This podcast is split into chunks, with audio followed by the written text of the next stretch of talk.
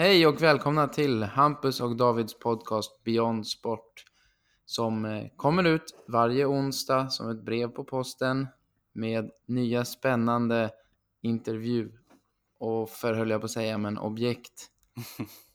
Exakt. Jag heter Hampus Gildenbäck och du heter David Krusell. Förra veckan så hade vi eh, den avdankade hockeyspelaren Mikael Alén på besök och det blev ett jättebra avsnitt tycker jag. Ja. Nu kommer vi gå raka motsatsen. Förra veckan var jag alltså en avdankad, eh, spottande, svärande hockeyspelare. Nu har vi en, en välartikulerad, ung, lundensisk superstar i Alfred Jönsson som kommer att eh, eh, bli eh, intervjuad av oss, ha ett samtal med oss.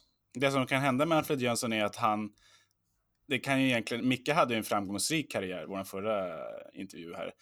Alfred har ju, han är ju en talang av Guds nåde som är på, liksom, han är på väg upp för den här toppen där han kan bli en av världens bästa handbollsspelare. Så att egentligen kan det ju bara gå åt helvete för honom.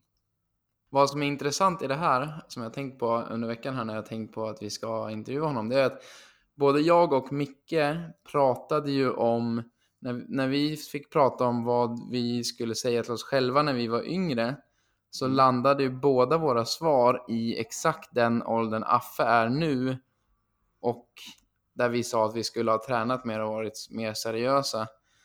Och jag, vi får ju prata med eh, Alfred och höra vad han har att- att säga om det här sen då. Men som jag vet, jag har ju spelat med honom ett tag, han har ju skött korten rätt hittills och varit superseriös.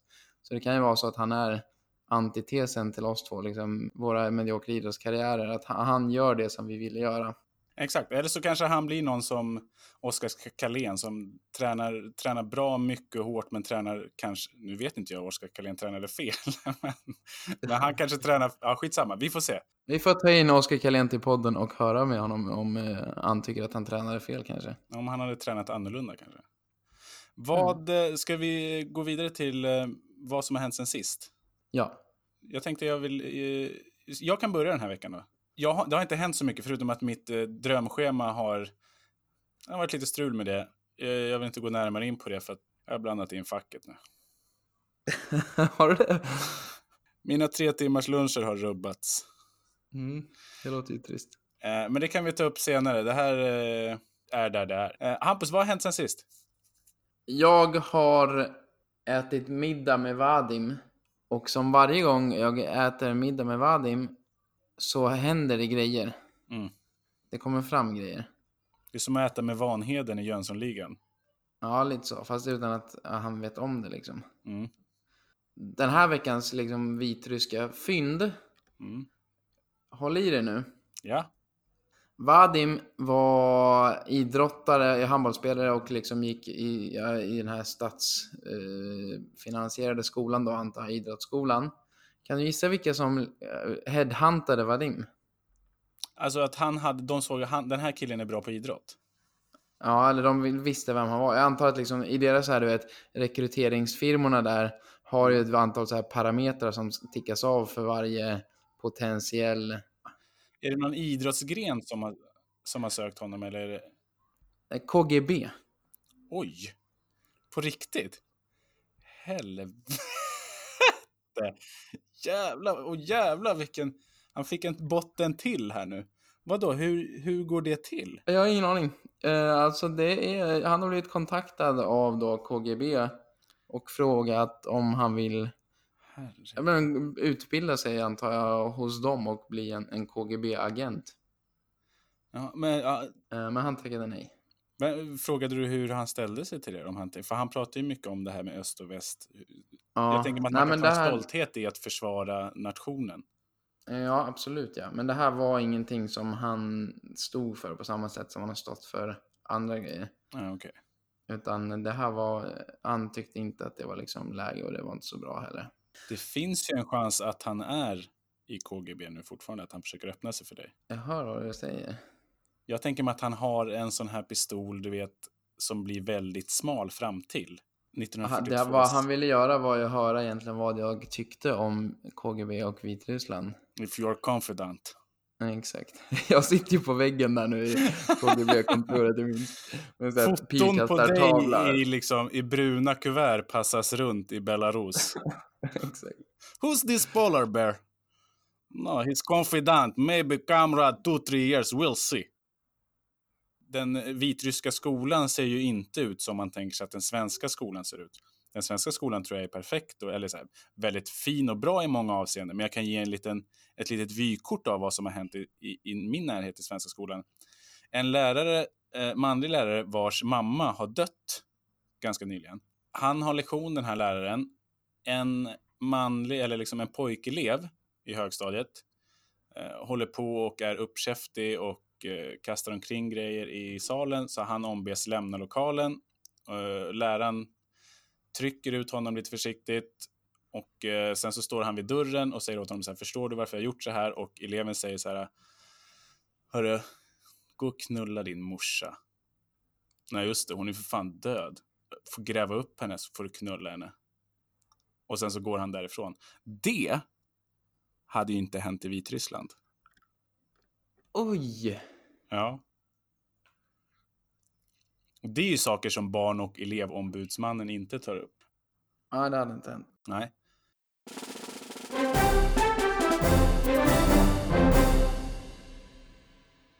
Nu tycker jag att vi hoppar raskt in i vår intervju med Hannover-spelaren. Välkommen Alfred Jönsson. Det jag vet om Alfred är att du är ifrån, du har spelat i vad fan heter H43. Sen kom du till Lugi och sen nu har du gått till Hannover. Det är din handbollskarriär. I, I övrigt vet jag inte så mycket om dig. Hampus har eh, just berättat att du har dubbla medborgarskap. Ja, mina, min pappa jobbar i USA då. Så jag råkade födas där då. In i ett amerikanskt medborgarskap då helt enkelt. Känner mig inte alls amerikansk men har lite privilege att jag kan åka dit utan visum och så. Men han är svensk? Ja, pappa är stensvensk från Hässleholm. Okay. En fun fact about uh, Alfred, uh, apropå hans pappa då, är att han är en up and coming tränare. Och han är den som har flest timmar på våra träningar förutom vi i laget när vi spelade Lugi. För att han ville lära sig uh, om träningar och att träna ett lag.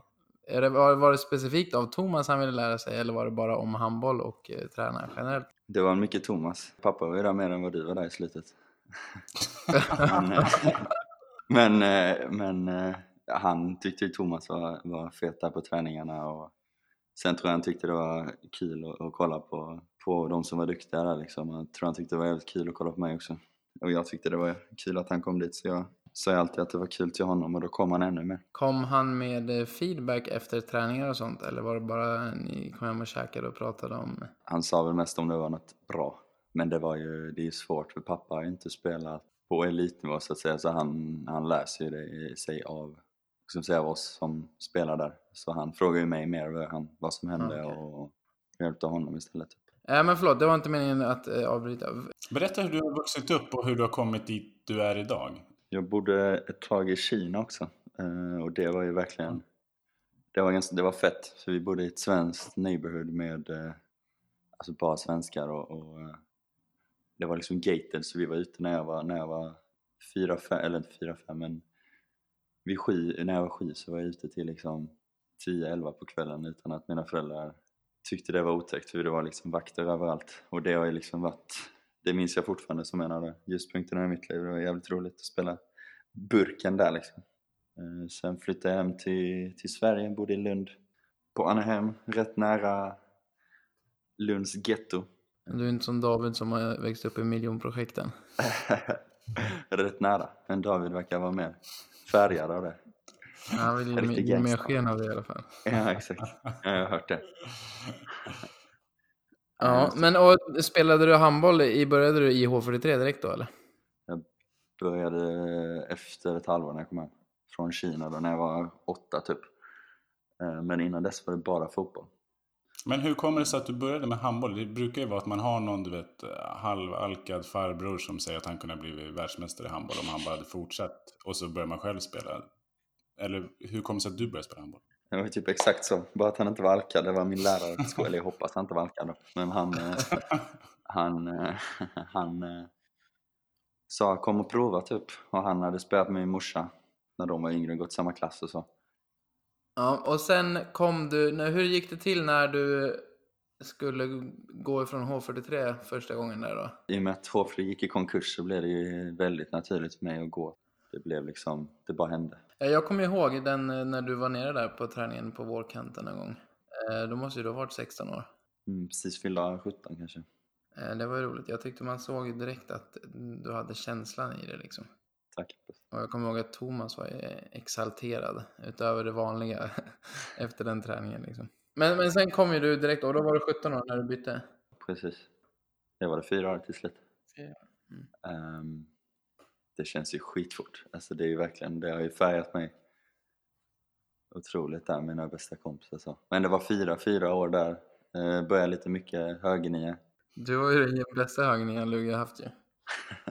Levererade bara bollar där till dig. Uh, typ spelade där i ett år från och till. Sen året efter med mittnia med Simon Jeppsson på vänsternia. Sen, sen mer och mer.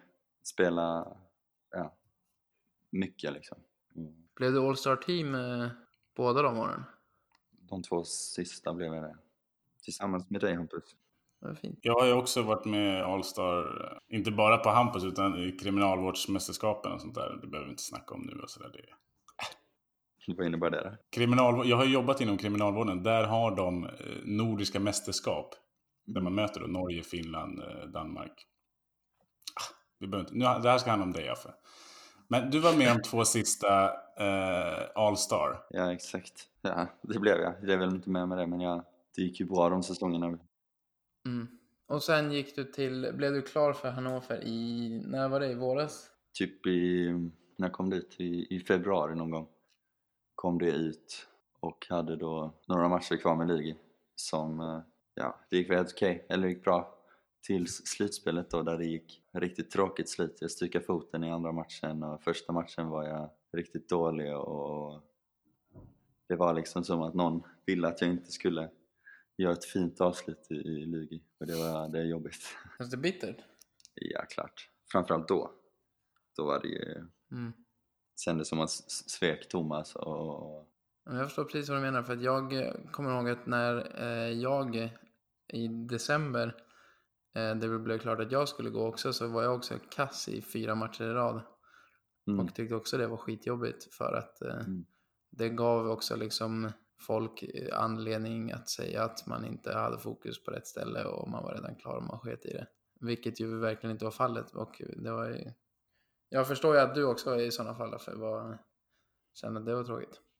Ja, klart. Jag vet att jag pratade med dig om det när du, när du skulle gå. Mm. Men att jag inte riktigt... Jag minns att jag tolkar inte det på samma sätt som, som de andra har gjort. Men Det är, bara lätt, det är väldigt lätt att säga ja, nu ska han gå, nu har han inte fokus.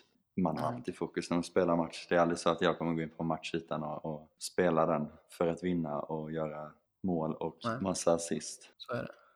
Kommer det alltid vara när jag spelar match.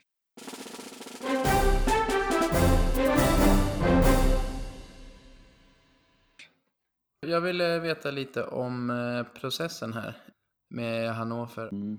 Börjar med att Hannover kom och kolla på en match i Lund mot Kristianstad tror jag det var. Det gick eh, ganska bra den matchen. Spelade kanske lika, eller förlorade med en till slut. Är vi på hösten här nu då eller? Ja, någon gång i oktober, november, något. oktober kanske. De kom hem till mig efter matchen i Barnehem då hos mina, mina föräldrar. Eh, och snackade lite och de sa att de eh, ja, kunde vara intresserade.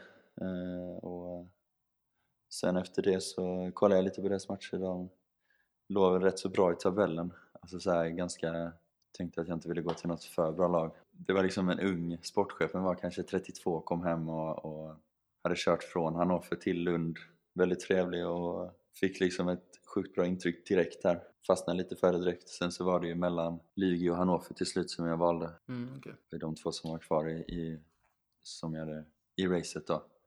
mm. Eh, och länge lutade kanske till att jag skulle stanna tills eh, ja, Josip kom ut med att han skulle gå och framförallt att du skulle gå och att Jakob eh, Modig slutade året innan. Det var liksom många av de framstående spelarna som gick när jag ville gå för eh, liksom att spela en final kanske i, Mm.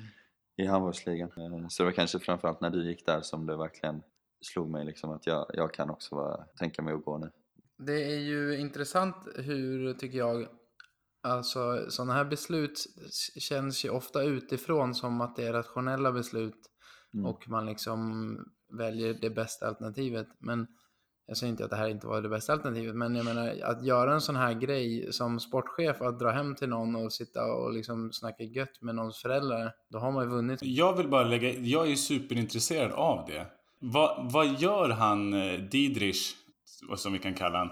Han, är alltså, han kommer upp i sin konsultpulka, parkerar utanför dina päron. Alltså, står ni i dörringången och surrar eller är det liksom så här, kom in på lite kaffe Didrich eh, och så sitter ni och snackar eller kan du inte ta oss igenom vad som händer när han kommer och knackar på? Vet du att han kommer dit eller? Alltså, mamma eller pappa hade framförallt pratat med honom innan att han skulle komma.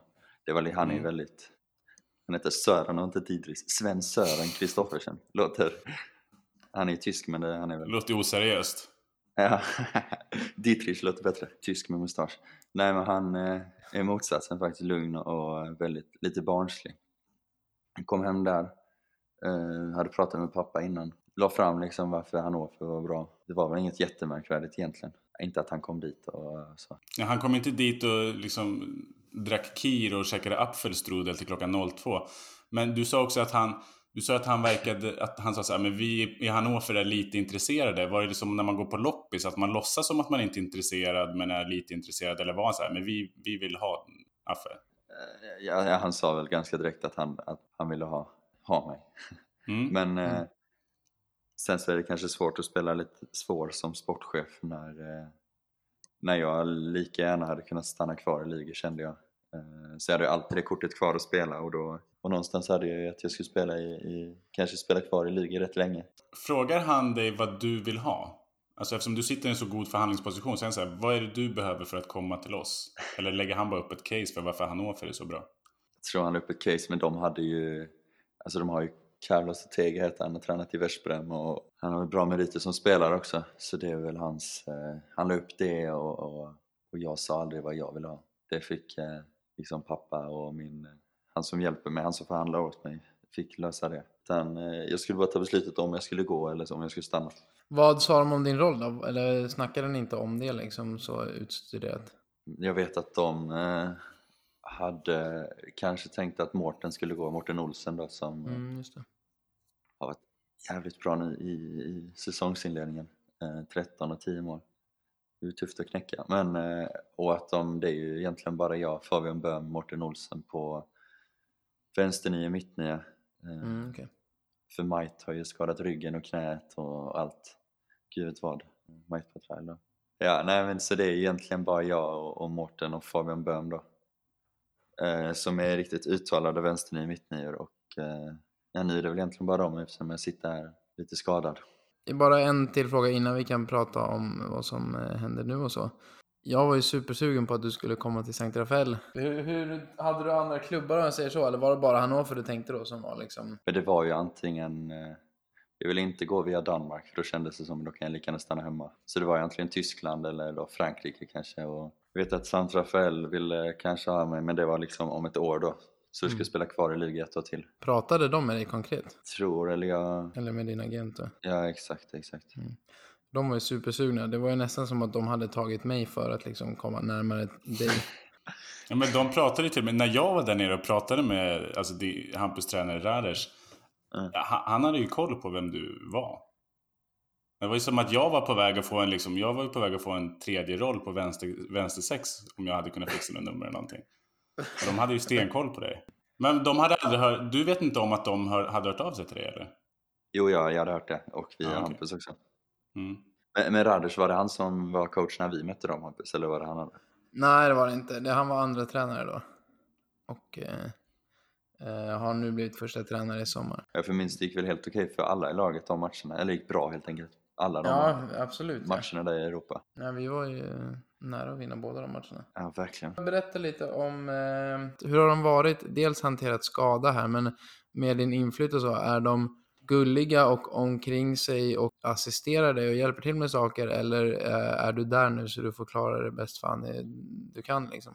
Jag sökte hur mycket lägenhet som helst och fick inga, eller jag sökte inte så mycket hjälp men det var skitsvårt att få en lägenhet från början. Ett tag kanske de kunde hjälpa mig mer svårt som svensk utan tyst bankkonto och tyst personnummer och fixa en lägenhet. Mm.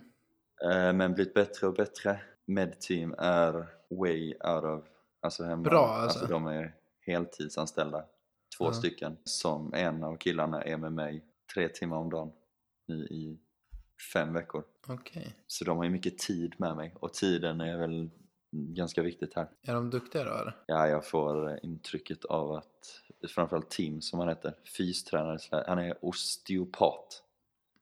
Vad det Mm. nu innebär. Men, men han liksom har koll på allt. Han sticker nålar, han trycker, han gör elterapi, han gör laser, han gör allt. Ah, okej. Och är med honom hela tiden. Och, Tarotkort och sådär också. vad Eller? är det? Tarotkort. Vad är tarotkort? det är när man lägger upp så här kort, en kortlek med så här spågumma. He don't.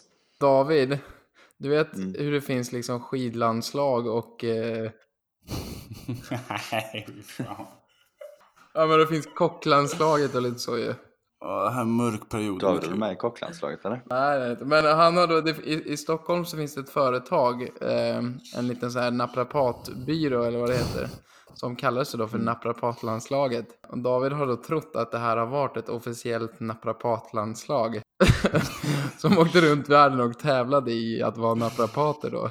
Tror du att din eh, osteopat, att han hade varit med i osteopatlandslaget om det hade funnits något sånt? Jag tror David har varit med. Jag har inte förstått, jag har inte förstått vad du har för skada riktigt därför. Det är en bit av min patellasena, alltså under knät, som har eh, gått sönder. Så en liten bit har gått av. Vad har vi för eh, tid på det här? Sex till nio veckor tror jag, egentligen. Och nu är jag inne på min femte vecka och ska nog börja träna handboll nu. Hur många veckors träning hann du göra då? Tre, två matcher mot division 6 och division 5 typ. Mm. Eh, alltså division 5-lag och så. Mm. Tränade riktigt mycket i början. Och handbollspassen var liksom två timmar en kvart. Eh, och det var liksom stor förändring från hemma. Jag vet inte hur det är, är det i Frankrike, är det samma? Ja, det är exakt likadant här nu med Mm. Jag känner mig bara trött och degig av det. Alltså efter en timme och en kvart så kan man känna sig färdig, eller då är man ju klar nästan. Men det kan vara för att jag tror att vi i Lugi hade ju verkligen sån inställning med kort och intensivt. Ja, verkligen. Ja, det var ju verkligen, vi träffades fyra, spelade fotboll i 15 och sen en timme handboll, sen var vi klara. Och det var ju Mm. skitnice. Och vi hade Mm. inga, det var inga direkta skador i Lugi vet jag. Nej. Nu har vi fyra skador i, här i Hannover. Och, Ja, vi har också fyra, fem skadade här. ja, exakt. Men skulle du kunna, Affe, skulle du kunna, skulle du kunna ta oss igenom en arbetsdag? Alltid någon träff på morgonen. Kanske 9, 9.30, mellan 9 och 10 börjar vi. Antingen är det löpning eller, eller är det gym. Alltså på vardagarna då. Sen så hem, knappt hem. Sticker tillbaks, jag är en halvtimme hem. Tyvärr. Eh, sen eh, äter lite. Och tillbaks till träningen som börjar tre, mellan tre och fyra. Tränar två timmar. Sen eh, chillar man där ett tag och sen åker man hem. Sen på kvällen, jag vet inte. Chillar, bara äter. Spelar dator typ. När ni har morgonträning, om, käkar du någonting innan då? För att jag skulle gissa på att Hampus inte skulle käka innan sin morgonträning. För att han vill känna sig lätt. Käkar du någonting? Hampus kör ju sina dieter alltid. Jag käkar väl alltid någonting.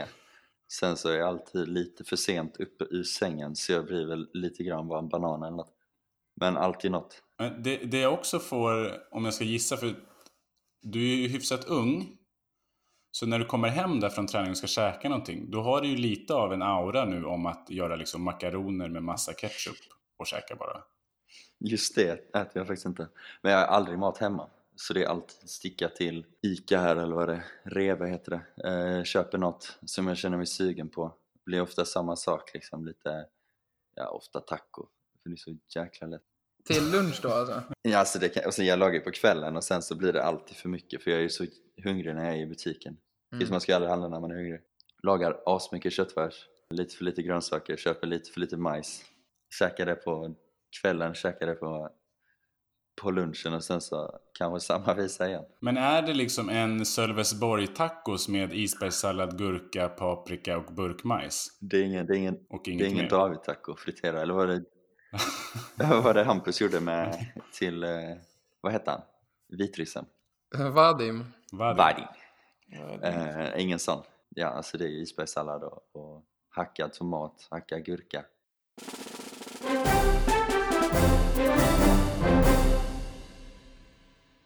Jag tänkte att vi skulle, vi skulle köra en liten eh, mellangrej här med eh, pest eller kolera.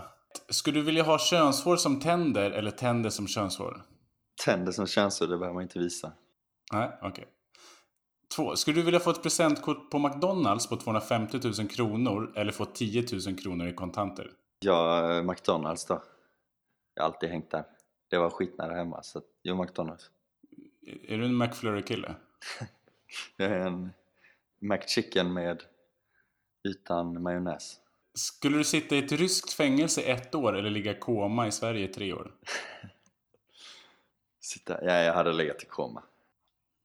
Eh, skulle du, skulle du ta ditt eget liv eller låta 25 000 funktionsnedsatta svenska förskolebarn dö?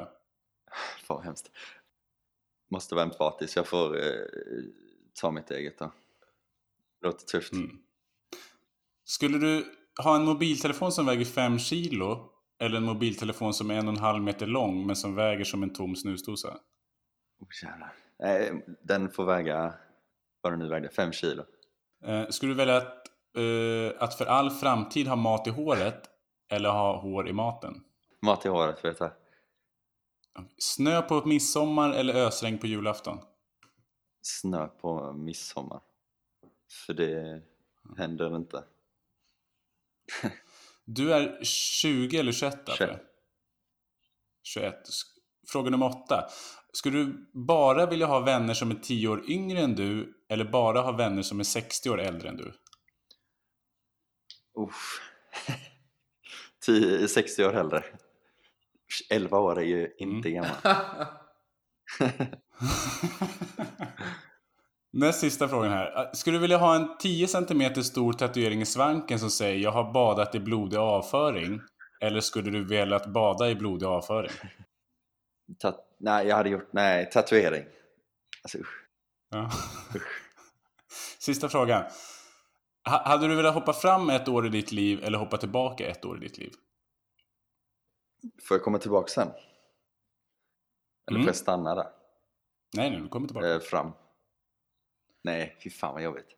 Gud vad jobbigt. Hoppa bak. Mm. Mm. Hade du gjort någonting annorlunda då? Jag vet inte. Klart små saker. Alltså det är alltid som Hampus säger, små... Eller var det Hampus som sa det? Men att man små saker som man kan gräma sig åt. Bara, usch, sån. Det är mer sådana saker som man kan fixa till. Kan du komma på någon sån? För det komplett. Jag vet inte. Har, har ni någon? Du hade inte valt att inte stuka foten i eh, kvartsfinalen? Oh, nej, verkligen inte. Eh, shit, det hade jag ju gjort helt annorlunda. Jag hade aldrig skjutit det skottet. Mitt enda mål i kvartsfinalen hade jag aldrig tagit om jag visste. Men apropå att hoppa fram eller tillbaka i sitt liv och vad man ångrar. Jag är lite intresserad av att veta om du har något vägskäl i ditt liv. Det är väl, jag har väl egentligen bara gjort att gå hit och det är kanske för tidigt att säga. Eller att jag gick till, till Lugi och verkligen satsade på handboll, slutade på fotboll. Um, och det beslutet att gå till Lugi tillsammans med Thomas som tränare har varit verkligen eh, avgörande för vad jag, vad jag kan i handboll nu. Och det är väl det enda riktiga vägskälet jag har gjort, där jag fått välja mellan två där jag har liksom ett, ett facit på vad som hände. Hur bra hade du varit i fotboll om du hade valt den andra vägen då? Alltså jag spelade i ett ganska, alltså liten klubb men vi var, vi var bra. Vi hade en, en tränare som kanske lärde mig riktigt hur, hur, man, hur hårt man skulle träna och, och fokus och allt det där. Han hade spelat Champions League mot, mot Liverpool när de vann eh, Champions League 2005 och, och kommer från Litauen och pratar riktigt knack. Hade din tränare gjort det? Ja, precis. Han heter Eh, han kom från Vilnius, han hette... Mart- han hette... Men hade han fastnat i något Jag Vegas-missbruk och därför börjat träna er eh, ute på Möllan? Eller hur kom det sig jag att han tror hans hamnade där? fru var väldigt bildad. Han hette Emantas, kommer jag ihåg det. Emantas Poderis. Hans fru skulle flytta hit. Han jobbar som trädgårds... Trädgårds... Eh, vad heter det? Trädgårdsarbetare. Körde runt i Lund. Tränade oss på... Ja, tre gånger, fyra gånger i veckan. Fick oss att gå från serie B i Skåne till den högsta serien och komma... Vad kom vi? Tvåa där. På två år tror jag det. Alltså den här killen är ju en, vad heter det, vad heter han den här lilla norrlänningen på Sportbladet? Erik Niva. Han är ett Erik Niva-reportage Ja, waiting to verkligen. happen, den här killen. Här är han. Eh, Men apropå det då med fokus och eh, träning. I förra avsnittet så pratade ju Micke Alén om vad han ville säga till eh, tidigare, eller sitt unga jag. Och då sa ju han, liksom jag egentligen, eh, som ville gå tillbaka tills vi var 20 och säga att vi borde ha mer fokus och träna mer. Mhm. Nu är ju du eh, 20 och har ju uppenbarligen redan reflekterat över det här, vilket är superbra. Har du någonting Mm. eh, som du hade velat säga till jätteunga Affe då? Eller yngre Affe än vad du är nu i alla fall? Jätteunga Affe kunde kanske tagit för sig mycket mer. Han var väldigt tystlåten de första två säsongerna. Eh, kände väl att eh, han inte tog för sig så mycket där i omklädningsrummet och så här, utan bara lyssnade mycket. Kunde tagit för sig mer. Det var så innan du började skrika på de yngre på träningarna och så. Jag började slå dem på vaderna. Det var väl någonstans att eh, ta det lugnt där. Gör skolan klart. Gör den lite bättre än vad du gjorde. Eh, sov mer då. För jag minns direkt när jag slutade skolan eh, efter gymnasiet så det var då det började gå riktigt bra, eller bättre. Mm. Eh, och då fick jag sova, äta, fokusera mer på handbollen. Utan det allt runt omkring var väldigt stressigt, mycket skolan som jag tog på allvar men kanske inte la tillräckligt mycket tid på. Och äta och sova, det var ju eh, det var dåligt då. Hade du... Alltså det du hade gjort rent konkret då är att du hade försökt strukturera upp din vardag bättre med att sova, äta och... Mm. Hade du tränat på något annat sätt? Så jag vet att jag hade ju nio i skolan. Eh, vi tränade tre gånger i veckan på morgonen där. Tränade väldigt mycket, som jag inte tror jag hade klarat nu. Men då var det träning i skolan och sen, sen med laget väldigt mycket. Eh, så träna hade jag nog inte gjort på något annat sätt. Det hade kanske varit att jag kanske då var lite naiv och trodde att jag kunde mer än vad jag kunde. Eh, Kanske skulle kollat mer på handboll och, eh, och lärt mig. Det var kanske först när jag förstod att ibland så ska man ta det lugnt när man spelar och inte behöva gå i, i hundra knyck hela tiden som jag började göra lite mer mål och spela lite mer alltså med de andra mittsexa, lite mer med, med de andra spelarna. Um, och det är väl sån handbollsspelare jag vill bli nu. Så någonstans där förstår inser jag att jag behöver inte alltid gå i hundra, hundra knyck och eh, göra allt direkt.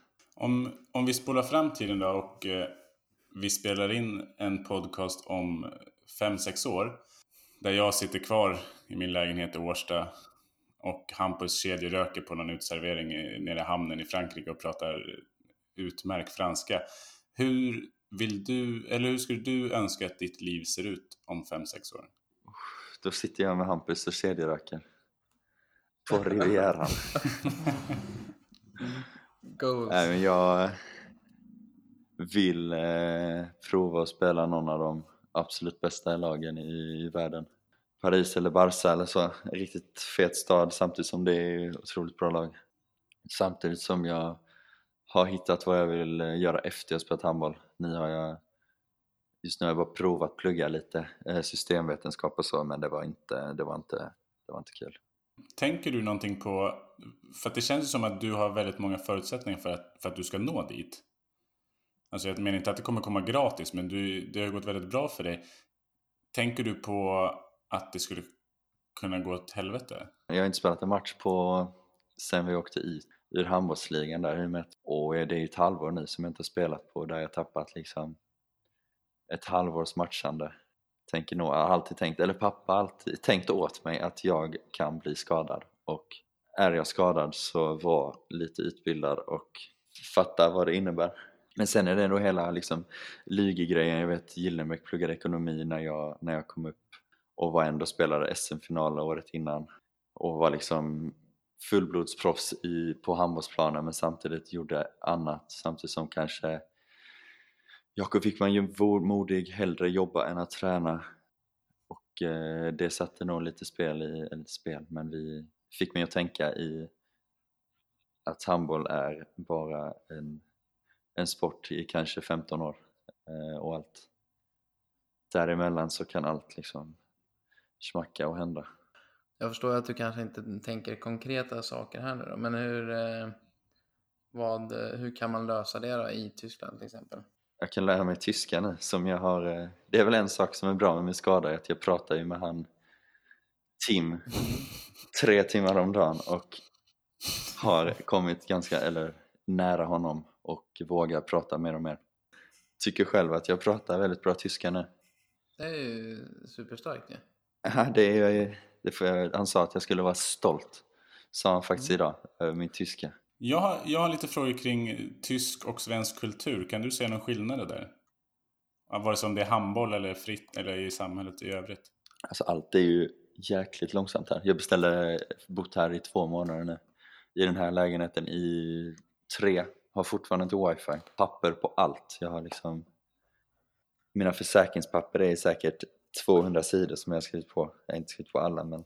Ja men det där är sjukt för det är exakt samma sak här. Ja det är så, det är så galet. Jag har en, två saker till om eh, omklädningsrumskultur. Mm. Det finns ju någon form av, liksom, det skjutsas in en back med öl efter match mm. i omklädningsrummet. Mm. Jag, jag gillar inte öl.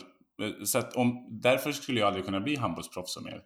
Men säg att man inte gillar öl för det känns som att man måste dricka den där jävla ölen. Jag har inte druckit i omklädningsrummet tror jag. Men det är folk som sitter där efter varje träning och dricker två, två 05 or som, eh, och så kör de hem direkt efter det eh, varje dag. Och att alla har typ ett litet ansvar att det ska finnas öl i omklädningsrummet varje dag. Eh, lite gemensamt, indirekt så ska det finnas där. Så alla har ett ansvar. Men jag har hållit mig utanför där än så länge. Vi har pratat tidigare i podden om kissklimat i duschar. Mm. Kan du se några kulturella skillnader där? Vet du, finns det några regler för kiss i dusch i Hannover? Jag vet att vi har fem eller tio euro böter om man gör det, men alla gör det. Men det är också en sån dusch som ja. ni snackade om förra, förra, förra veckan där det skvalpar runt och det är ju vidrigt. Ja, det är lite äckligt. Men vad menar du att folk gör det och tar böten eller?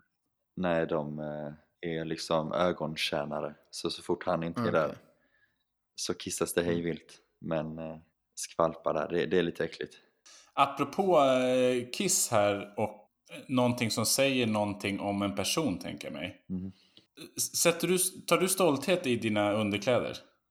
Vad betyder det? Alltså att jag Ja men alltså, tjackar du dina kallingar på Lidl nedanför där du bor? Mm. Eller tänker du så här, jag vill ha ett par schyssta kallingar, jag kör Calvin Klein eller något annat eh, fräsigt? Jag är en, eh, speciellt när jag spelar handboll så är det Björn Borg som gäller för det är ju, har jag haft när jag var liten och det har jag lite så här, vad heter det när man har hyss för sig att man måste ha samma sak när det har gått bra. så när det har gått bra en match så kör man samma kalsonger. Så jag minns när jag var liten så hade jag stora hål i mina kalsonger. Och det var alltid Björn Borg när jag spelade. Har du några par kalsonger som har hål i skroten? det går väldigt mycket snabbare än vad man tror. Alltså det tar ju bara någon, någon månad sen. Jag vet att jag cyklar till träningen ofta och eh, ja, mina byxor går också sönder, alltså jeans liksom tror det kan ha med det att göra. Men ja, absolut. Jag tar de kalsongerna som ligger överst i min låda. Ha, har du mycket tvångstankar för dig? Jag vet att jag hade att jag skulle knyta mina skor vid ett, en tidpunkt på uppvärmningen varje gång. I Lygi. Och jag vet att den jag passade med på uppvärmningen tyckte det var störigt. Vad menar du med knyta? Det, det är det att värsta du knyter om dem eller? Att du knyter om dem eller? Ja, Ja, exakt. Alltså jag sätter mig, du kanske såg det, att jag satte mig på bänken ibland och bara knöt. Det är ju det värsta när man inte har någonting att göra på en uppvärmning. När man känner att man är klar, står bara och väntar. Det är ju skitstelt. Då knöt du skorna. Exakt, medan jag knöt skorna så fick den andra vänta och jag vet att jag fick lite skit av den då. Hade du några andra sådana grejer? Nej, men jag vet att jag vill alltid äta ganska tätt in på samlingen liksom. Så att jag kom, luktade spagetti köttfärssås när jag kom till samlingen. så tätt in på vill jag äta. Där är, ni, där är ni två helt olika ju. Hampus behöver ju, han kan ju inte äta tre dagar innan. va? Ja, men Affe, Nej men det minns jag från när vi var iväg. Affe äter ju som, en, liksom, eh, som han är 14 år och har gjort det. Det är liksom de här bergen på tallrikarna och liksom hämtas extra tre gånger tills eh, de får säga till att nu får du inte ta mer. Hur, eh, apropå det här, har du någon i laget som eh, du känner eh, tar hand om det eller som du tar hand om eller som du klickar med? Det är ju alltid lättare att klicka med någon som eh, är i samma ålder. Annars blir det ju ofta kanske lite Mm. ansträngt och så. Jag vet att i början så kom en kille och hämtade mig till matcherna och så och tog hand om mig. Men det har liksom avtagit från båda, båda, båda Mm. håll liksom. Men eh, jag har väl någon jag pratar med lite extra. Sen kanske Cristiano Gall, det är någon som är, han pratar engelska bara och Okej. spanska då. Han är ju väldigt trevlig och rolig, eh, äldre. Sån här som inte är, han säger ju aldrig till mig vad jag ska göra och, och, och så här, om man gör något lite fel så, ska, så är inte han där och rättar till. Du vet så som man kan göra om man är äldre och tror att man vet allt liksom. Might Patrar till exempel. Han gjorde det i början men han har blivit riktigt, riktigt schysst nu Alltså, faktiskt. härligt. Ehm, Jag minns att i början så tror jag, äh, han tog min vattenflaska, skrev sitt nummer och, och gick därifrån. Sen så hade han min vattenflaska. Liksom. För det är så här, det är inte som hemma när man kan fylla i kranen utan här får man sin vattenflaska ofta med lite Mm. bubblor vilket är helt värdelöst. Och så får man liksom en flaska, så tog han en penna, skrev sitt nummer eh, så hade jag ingen vatten. Skulle han markera då liksom eller? Eller vad var avsikten med det här? Jag antar det. Det var det jag trodde då i alla fall och jag tror det kanske fortfarande. Men nu eh, så har han ändå varit schysst. Jag vet jag glömde skor till, eller vi skulle ha eh, Adidas-skor på någon fotografering. Eh, Så hade jag glömt det. Eh, Så fick jag låna hans. Så han har liksom steppat upp sitt game och där kanske jag var lite för snabb med om att döma honom. Men är det så att tyskarna hänger ihop eller? Alltså det är inga riktigt, jo, de tyska, de unga tyskarna hänger ihop. Mm. Absolut, för de, eh, jag vet inte om det är något med att de är lite försiktiga med sin engelska. Jag vet inte om det är samma sak med fransmännen att de, Nej, så är det verkligen. och att de pratar sin tyska. Och att, fast jag tycker samtidigt det är bra i och med att jag vill, jag åker hit också som med målet att kunna flytande tyska när jag är gammal Mm. liksom. Och det gör mig ingenting att jag försöker prata tyska. Nej, det är bra. Har klubben hjälpt dig med, eller hur lärde du dig tyska? Jag har eh, gått ja, skolan I gymnasiet eller? Ja exakt, så, eh, så gymnasiet och sen nu har det gått skitfort. Jag har gjort, eh, idag gjorde jag, gjorde jag TV på tyska eh, om, att inte snöa mig in på det, jag träffade alltså presidentens, den förra presidentens fru eh, på någon eh, så här typ att vad barnen ska äta i skolan som matsäck. Mhm. Eh, så var det en liten låda med tråkiga Sa du att de skulle käka tacos då eller? Jag sa käka mycket grönsaker. För att det var det som ja, man gör om man blir tillsagd. Mm. Eh, sen kom det fram lite TV, jag försökte göra TV tyska, på tyska och Finns det här på Youtube eller? ingen aning. Det går säkert att få fram på någon vänster. Men det är ju mycket, det är inte så mycket streamingtjänster här, det är inte mycket, utan allt det är liksom TV. Ja, okej. skulle teckna sånt Sky Sports så att jag ska kolla matcherna då tog det 20 minuter för mig för att då måste man först ladda ner en app sen måste man köpa abonnemang och sen så får man kolla en dag och sen för att få liksom ett abonnemang måste man vänta 4 till 6 dagar för att få hem en router. Det är tydligt vad du Eller vad tycker är. om den tyska infrastrukturen i alla fall. Nej, det är sämst. Går så långsamt. När jag flyttar, jag, flytt, jag flyttar ju som en Circus Maximus, då lämnar jag alltid lappar någonstans. Eh, och jag har nästan skrivit samma sak på alla. Eh, jag har skrivit en lapp och typ lagt in i du vet, gardinstänger och sånt. Så när du tar bort gardinstången och ska sätta upp dina gardiner, då ramlar lappen ut. Och där har jag skrivit så här lite skakigt, typ som att ja, men jag bodde här jättemånga år. Eh, innan det byggdes om här så la jag in alla min, allt mitt guld i väggen. Eh, det ligger, ligger i väggen mot badrummet. 1987 typ. Så du undrar om det är någon som har slagit sönder de väggarna någon gång, någon gång för att jag sagt att det ligger massa guld där. Det här är ju exakt det här som vi pratade om att du var på Filippa K och började prata. Ja, det är orimligt. Du är inte där och får skörda frukten av det. Du vaskar ju det här liksom. det är pärlor för svin.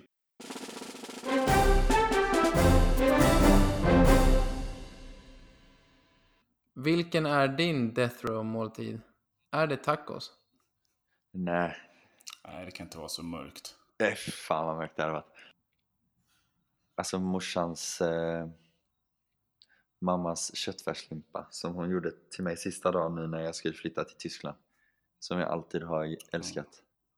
Eh, med eh, farmors recept på brunsås och, och pappas kokta potatis. Intressant här, då skulle vi också kunna ta dagens djungelknep i och med det. Absolut.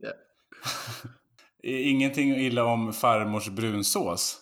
Men här kommer ett djungelknep för alla som ska göra eh, brunsås eller ännu bättre gräddsås.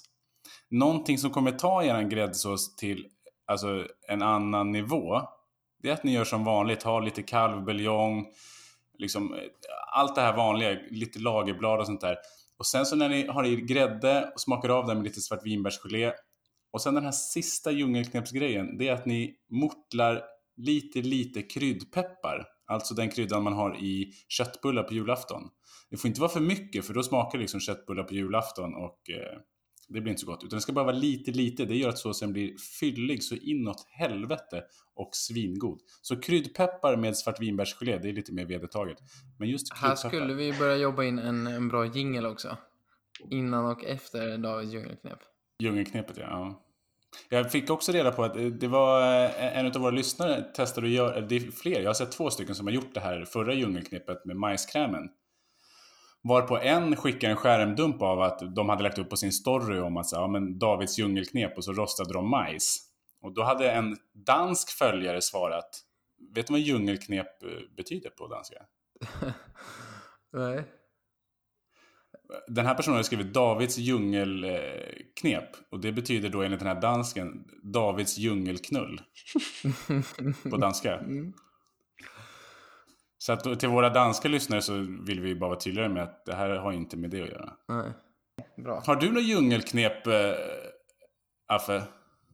Jag har inga djungelknep, framförallt inte på mat. Men apropå tips och råd då, vad, vad är det bästa rådet du har fått? Eh, pappa har alltid sagt till mig att jag alltid ska fortsätta skjuta när jag spelar. När jag var yngre och det liksom bekräftades när, sen när, när Thomas eh, börjar började säga samma sak. Och det har varit väldigt bra knep för mig att jag liksom kan börja med att missa några skott. Eh, lite för många. Eh, sen har jag kanske fått förtroendet att fortsätta också, men att jag har gjort det. Och att man tagit sig tillbaka i en match då, många matcher på handbollsplanen är det väl mitt bästa knep. Och sen har väl alla i min familj alltid sagt till mig att jag ska ta skolan på allvar och nu så här efterhand så är jag nöjd med att jag klarade min, mitt gymnasium utan att gå på några, några minor. Mm. Sjukt viktigt, sånt man inte kan ändra på nu som var bara lite extra tid då gynnar sig som tusan nu. Mm. Apropå det så, det är jättebra. Eh, och nästa vecka så kommer vi att intervjua Albin Tingsvall som ju har skrivit en hel bok i just det här ämnet. Vi som har spelat i Lund och bott i Lund har ju det här lite så automatiskt och väldigt lättillgängligt i och med att det är mycket akademikerfolk och det är någon form av norm att man ska ta det seriöst. Eh, men vi ska ju prata med honom nästa vecka då. Jag minns bara att eh, Kalle hittade, han bor i Albins gamla lägenhet på Spolegatan på Clemenstorget och att han hittade en bok eller en faktura eller vad det var där det stod till Albin Tingsvall. Så om han vill ha den så är det bara att ringa Kalle. Okej. Okay. Vad, är, vad är det vidrigaste du har sagt på en handbollsplan? Jag vet att jag alltid är väldigt tyst. Om det är någonting jag har sagt så är det väl till, till Hampus då att han ska hålla käften eller något. Eh, det sa jag väl. Eh, men jag tror att jag... Har du sagt det på riktigt? Japp. Men det, det Va? Varför det? för att han trodde han var mittnia ibland. Ja, men jag tyckte det här var, jag tyckte det här var fint. Det, här var, det tyckte jag var ett steg i, i liksom de, uppväxten av Alfred Jönsson. Att du kan skrika hålla käften, håll käften på handbollsplan för att du har ett bra spel som du tycker vi ska köra. Mm. Nej, men jag minns att det var, det var mycket. Det var, det var väl kanske, vad kan det ha varit, förra, förra säsongen? Eh, slutspels. Jag ser det, vi var i Kristianstad säkert och vi stressat och jag blir väl lite för stressad. Men jag vet att jag stressar inte upp mig så ofta så att jag, de här glåporden kommer inte riktigt från mig. Och det är väl kanske lite tråkigt, det känns lite platt. Du har ju också faktiskt slagit eh, en junior på en träning. Det låter jag värre än vad det är nu. Men, Såg eh, du det eller var du där? Nej, jag var med. Eh, Walk me through this, vad har hänt? Det, det, kunde ju bli, det kunde bli tyst när till exempel Jakob och Soran eh, skällde på varandra i tre minuter och fick gå ut ur hallen eh, och fortsatte bråka på vägen ut. Då blev det tyst efter. På samma sätt så blev det liksom knäpptyst efter att jag tror du har hoppat upp och skjutit och så har eh, han då som var nyuppkommen och liksom lite vilsen eh, förstod inte riktigt men drog dig lite halvt i armen eller något sånt bakifrån. Så att du var jättenära att skada dig och så när du låg där på marken och så vispade du till med armen på hans liksom smalben och sa någonting. Eller stämmer det här? Det var också det sämsta, sämsta sättet att liksom visa att man blir arg, att slå någon på vaden när man ligger Ja, det är lite konstigt. och sen gå därifrån utan att säga någonting. Ja. Otroligt Men Också utifrån, utifrån sett så, så verkar det ju som att Alfred har kommit till Lugi och hållit käften i två år. Och sen ligger på golvet och vispar eh, på vaderna efter folk och skriker håll käften. Det går- Vände snabbt det där. Vet inte som fan. Nej, men det var ju... Men du har inte slagit någon i Hannover än då? Om ett och ett halvt år så kollar Affe på att skriva sitt nummer på någon juniors eh, vattenflaska. Det kommer jag aldrig göra.